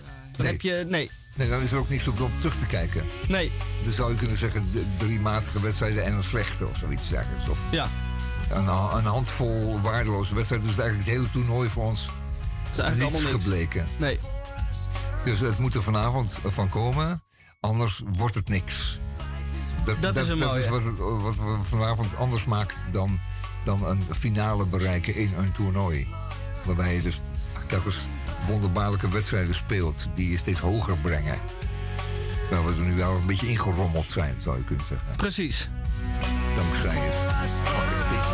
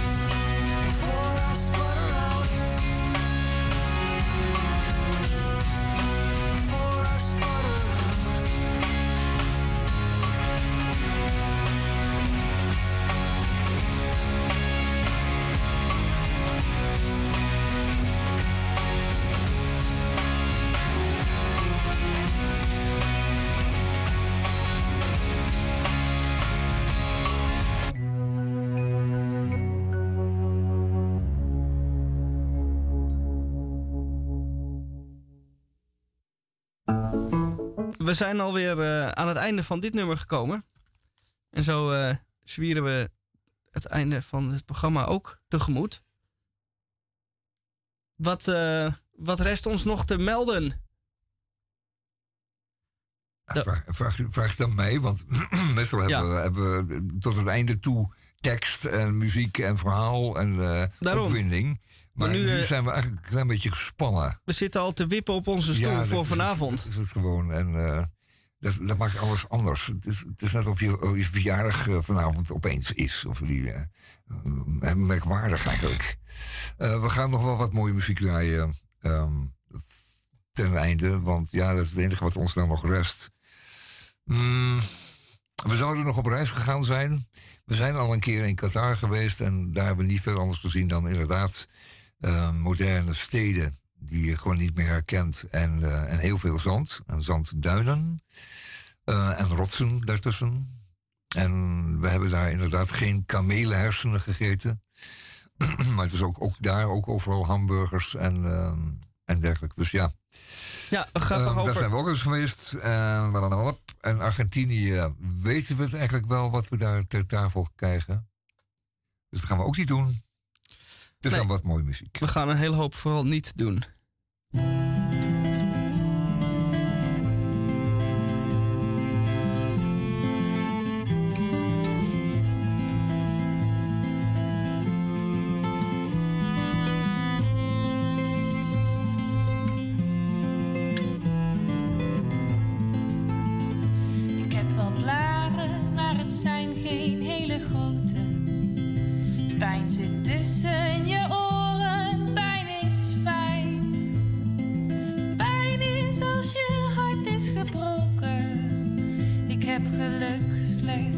Wandelaar te zijn. Ik hou niet zo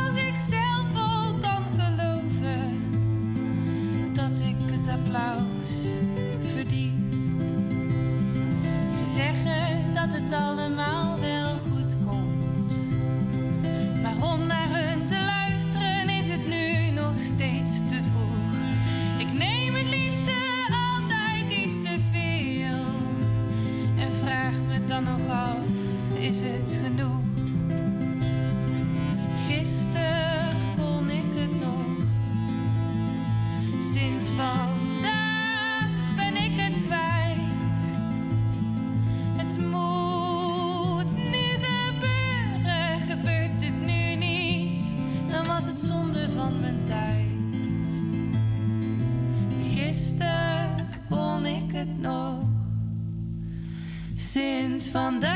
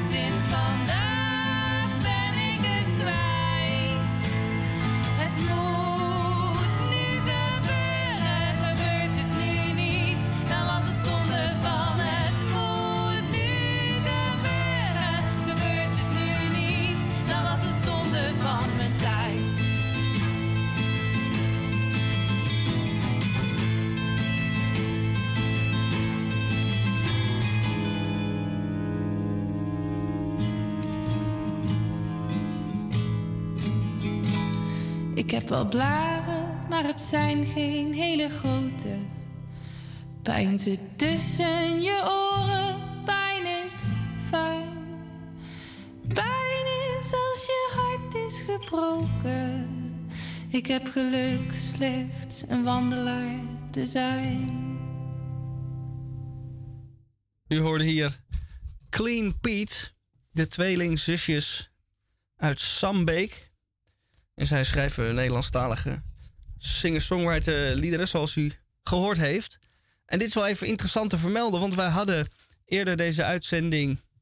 eh, hadden we het over de slechtste kerstmuziek aller tijden. We hebben een eh, schoolband uit, ergens uit de Verenigde Staten laten horen... die nog wat oefening nodig heeft. Maar hier weer Clean Pete en die kwam in 2019 met het kerstalbum Gloria uit. Een van de eh 100.000 miljoen kerstalbums die jaarlijks uitkomen. Maar het Amerikaanse tijdschrift Rolling Stone, waar ik zojuist dus ook even aan refereerde, die plaatste dit album, ondanks de Nederlandstalige teksten, op de zesde plaats van het beste kerstalbum van 2019. Kijk, dus dat je als duo uit Brabant tussen al het kerstgeweld bij de, nou, dan weten we in ieder geval zeker dat de Rolling Stone echt goede research doet. Als ze zelfs dat geluisterd hebben. En het kunnen waarderen. Blijkbaar, ja. Nou, we, we gaan volgende week wat eh, draaien uit die eh kerst-OP. Daar komen zeker deze terug. dames. Ehm, hoe, schrijven we Clean Pete? Schrijven we dat echt als Clean en Pete P-E-T-E? Ja. Oké. Goed, nou we zijn aan het einde gekomen van ehm tweede uur Radio Dieperik. Ehm, het, eh, het middagprogramma op, op Saldo Radio. Voor u allemaal Groot Amsterdam. 1 miljoen inwoners, jongens. En ook nog wel verder hoor, want we gaan eh, natuurlijk op internet de hele wereld over. Live, eh, as usual. Ehm, maar volgende week weer. We hebben nog een eh, klein minuutje. We kunnen ook niet, geen, geen King meer draaien. Geen, geen... Ja, dat kan zeker oh, dat wel. Kan wel. Oh, dat- doe nog maar. Tot de volgende week. Warmer.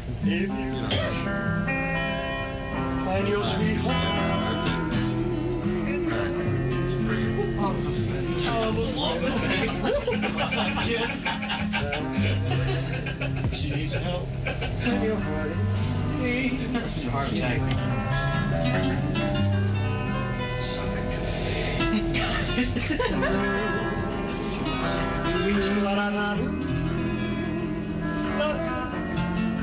Are trying to go out. Seriously, in time of the music. That's the thing. A little light show for you. Shoot, I killed the beard.